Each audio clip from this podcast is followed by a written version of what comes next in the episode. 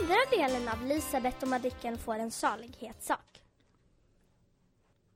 Hon, betyder, hon tycker mycket om den där julaftonspromenaden. Den byter hon inte ut mot någonting. Fast tänk om pappa inte vill idag. Det är, en kon, det är en så konstig julafton och ingen ordning alls. Det måste hon ta reda på och det är tvärt. Pappa vill. Han står redan i tamburen och väntar. Nu går vi, säger han. Mamma vill bli av med oss ett tag. Lisabeth och Alva har för länge sedan gett sig av till kyrkan. Det ringer i klockorna över hela stan hörs klockklangen. När pappa och Madicken kommer vandrande. De går samma vägar som andra julaftnar. På krokiga små gator förbi hus som knappast är större än Linusidas och låga så att Madicken tar snö från taken när hon vill göra sig en snöboll. Gatorna är mörka, men i hu husen lyser det nästan överallt. De som bor där har väl inga rullgardiner eller också bryr de sig inte om att folk kan titta rakt in på dem.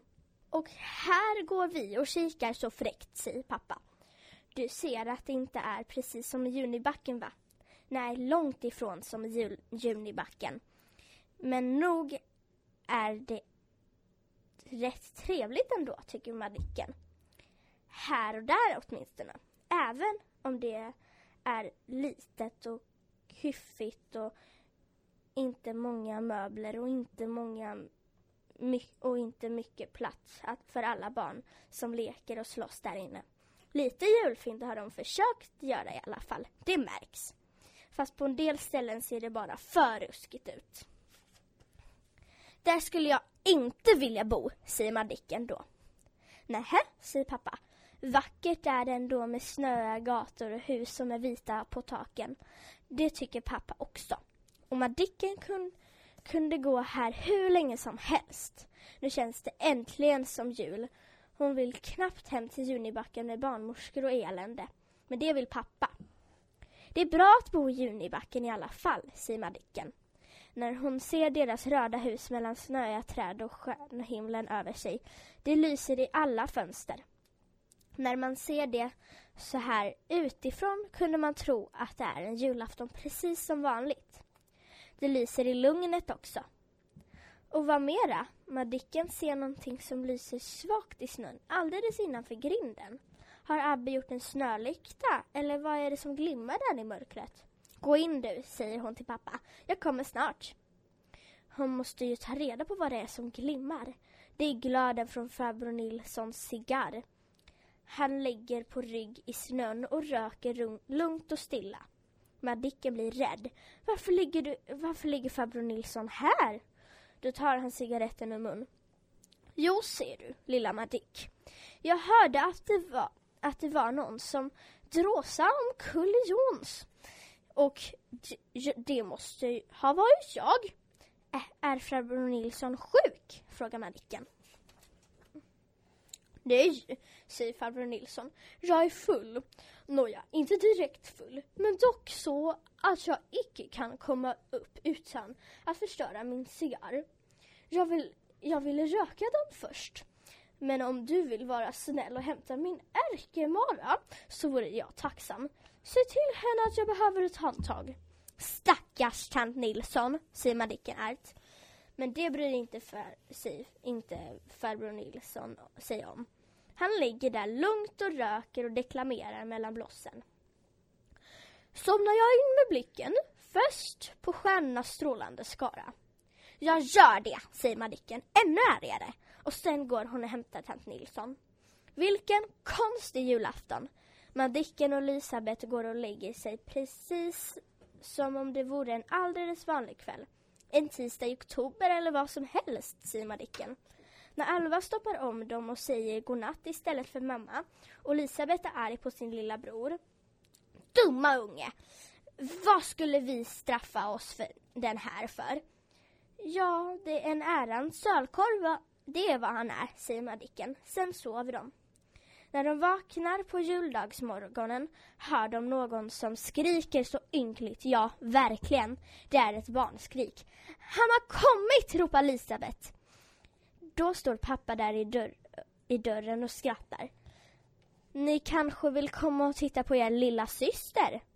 Madicken och Elisabeth gapar av förvåning. Där rök den broren, säger Madicken när hon har sansat sig. Men sen rusar de in i sängkammaren. Där sitter mamma i sängen och håller deras syster. Nu skriker hon inte längre. Varför skrek hon? frågar Elisabeth genast. Hon ville att ni skulle komma och hälsa på henne någon gång, säger mamma. Hon har ju väntat på er i flera timmar.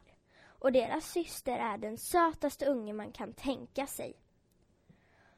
Hon har långt svart hår och klara blå ögon.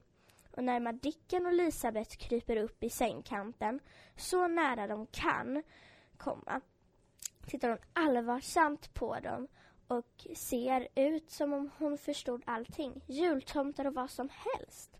Hon undrar nog vart hon har kommit, tror Elisabeth. De får hålla henne en liten stund båda två. När Madicken får henne i famnen känner hon hur liten hon är.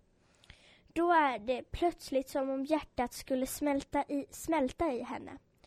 Hur kan man genast tycka om någon så liten så mycket? Det är riktigt svårt att lämna henne tillbaka till mamma. Titta vad lik hon är mamma, säger pappa. Precis samma näsa. Hon är en liten Kajsa, det ser ni väl. Och därför ska hon heta det också. Mamma stryker Kajsa över det svarta håret. Lilla unge. Det gör väl inget om du får min näsa. Bara du blir lik din pappa inuti och får hans hjärta. Det är vad jag önskar. För att vara en sorts julafton är den här juldagen också en konstig dag men rolig. Det tycker Madicken och Elisabeth. De tittar på, Ka på när Kajsa får mat och de dansar kring granen med Alva och pappa tittar på när Kajsa badar. Och de äter knäcker och nötter och äter apelsiner och tittar på när Kajsa skriker. Och de sjunger julsånger för Kajsa och medan de väntar på jultomten bygger de en snölykta utanför sängkammarfönstret för att Kajsa ska få se att det finns någonting som heter snölyktor. Pappas, pappa får stå med henne vid fönstret när de tänder den. Det är nog det vackraste som den ungen har sett i hela sitt liv, tror Elisabeth. Och så kommer äntligen tomten farande i sin släde. På vägen från Apelkullen kommer han. Den här julen kan, ha, kan han inte fara på on som han brukar. För här, där finns ing, ingen isen. Så de delar ut julklapparna i sängkammaren. Det är också konstigt. Och vad som är ännu konstigare, Madicken får inte ett enda guldhjärta, men det struntar hon i, för hon får så mycket annat. Har du fått någon salighetssak? frågar Elisabeth när alla julklapparna är utdelade. Madicken tänker efter. Hon har fått böcker, nya skrid, skridskor och pappersdockor och ett spel av brevpapper och en kjol och en liten tårta av marsipan. Det är härligt alltsammans, men hon kanske inte har fått någon riktig salighetssak. Det kan man inte heller begära varje år. Madicken är nöjd, är så nöjd ändå. Elisabeth är också tveksam om, om någon av hennes julklappar verkligen kan kallas salighetssak. Men då säger Madicken trumferande. Jo, du har fått en salighetssak. Och jag med! Vi har ju fått Kajsa! Elisabeth skrattar. Ja, vi har ju fått Kajsa vet jag. Och jag som läste var L. Lorenz i klass 3B på Månbyjourskolan i Malmö.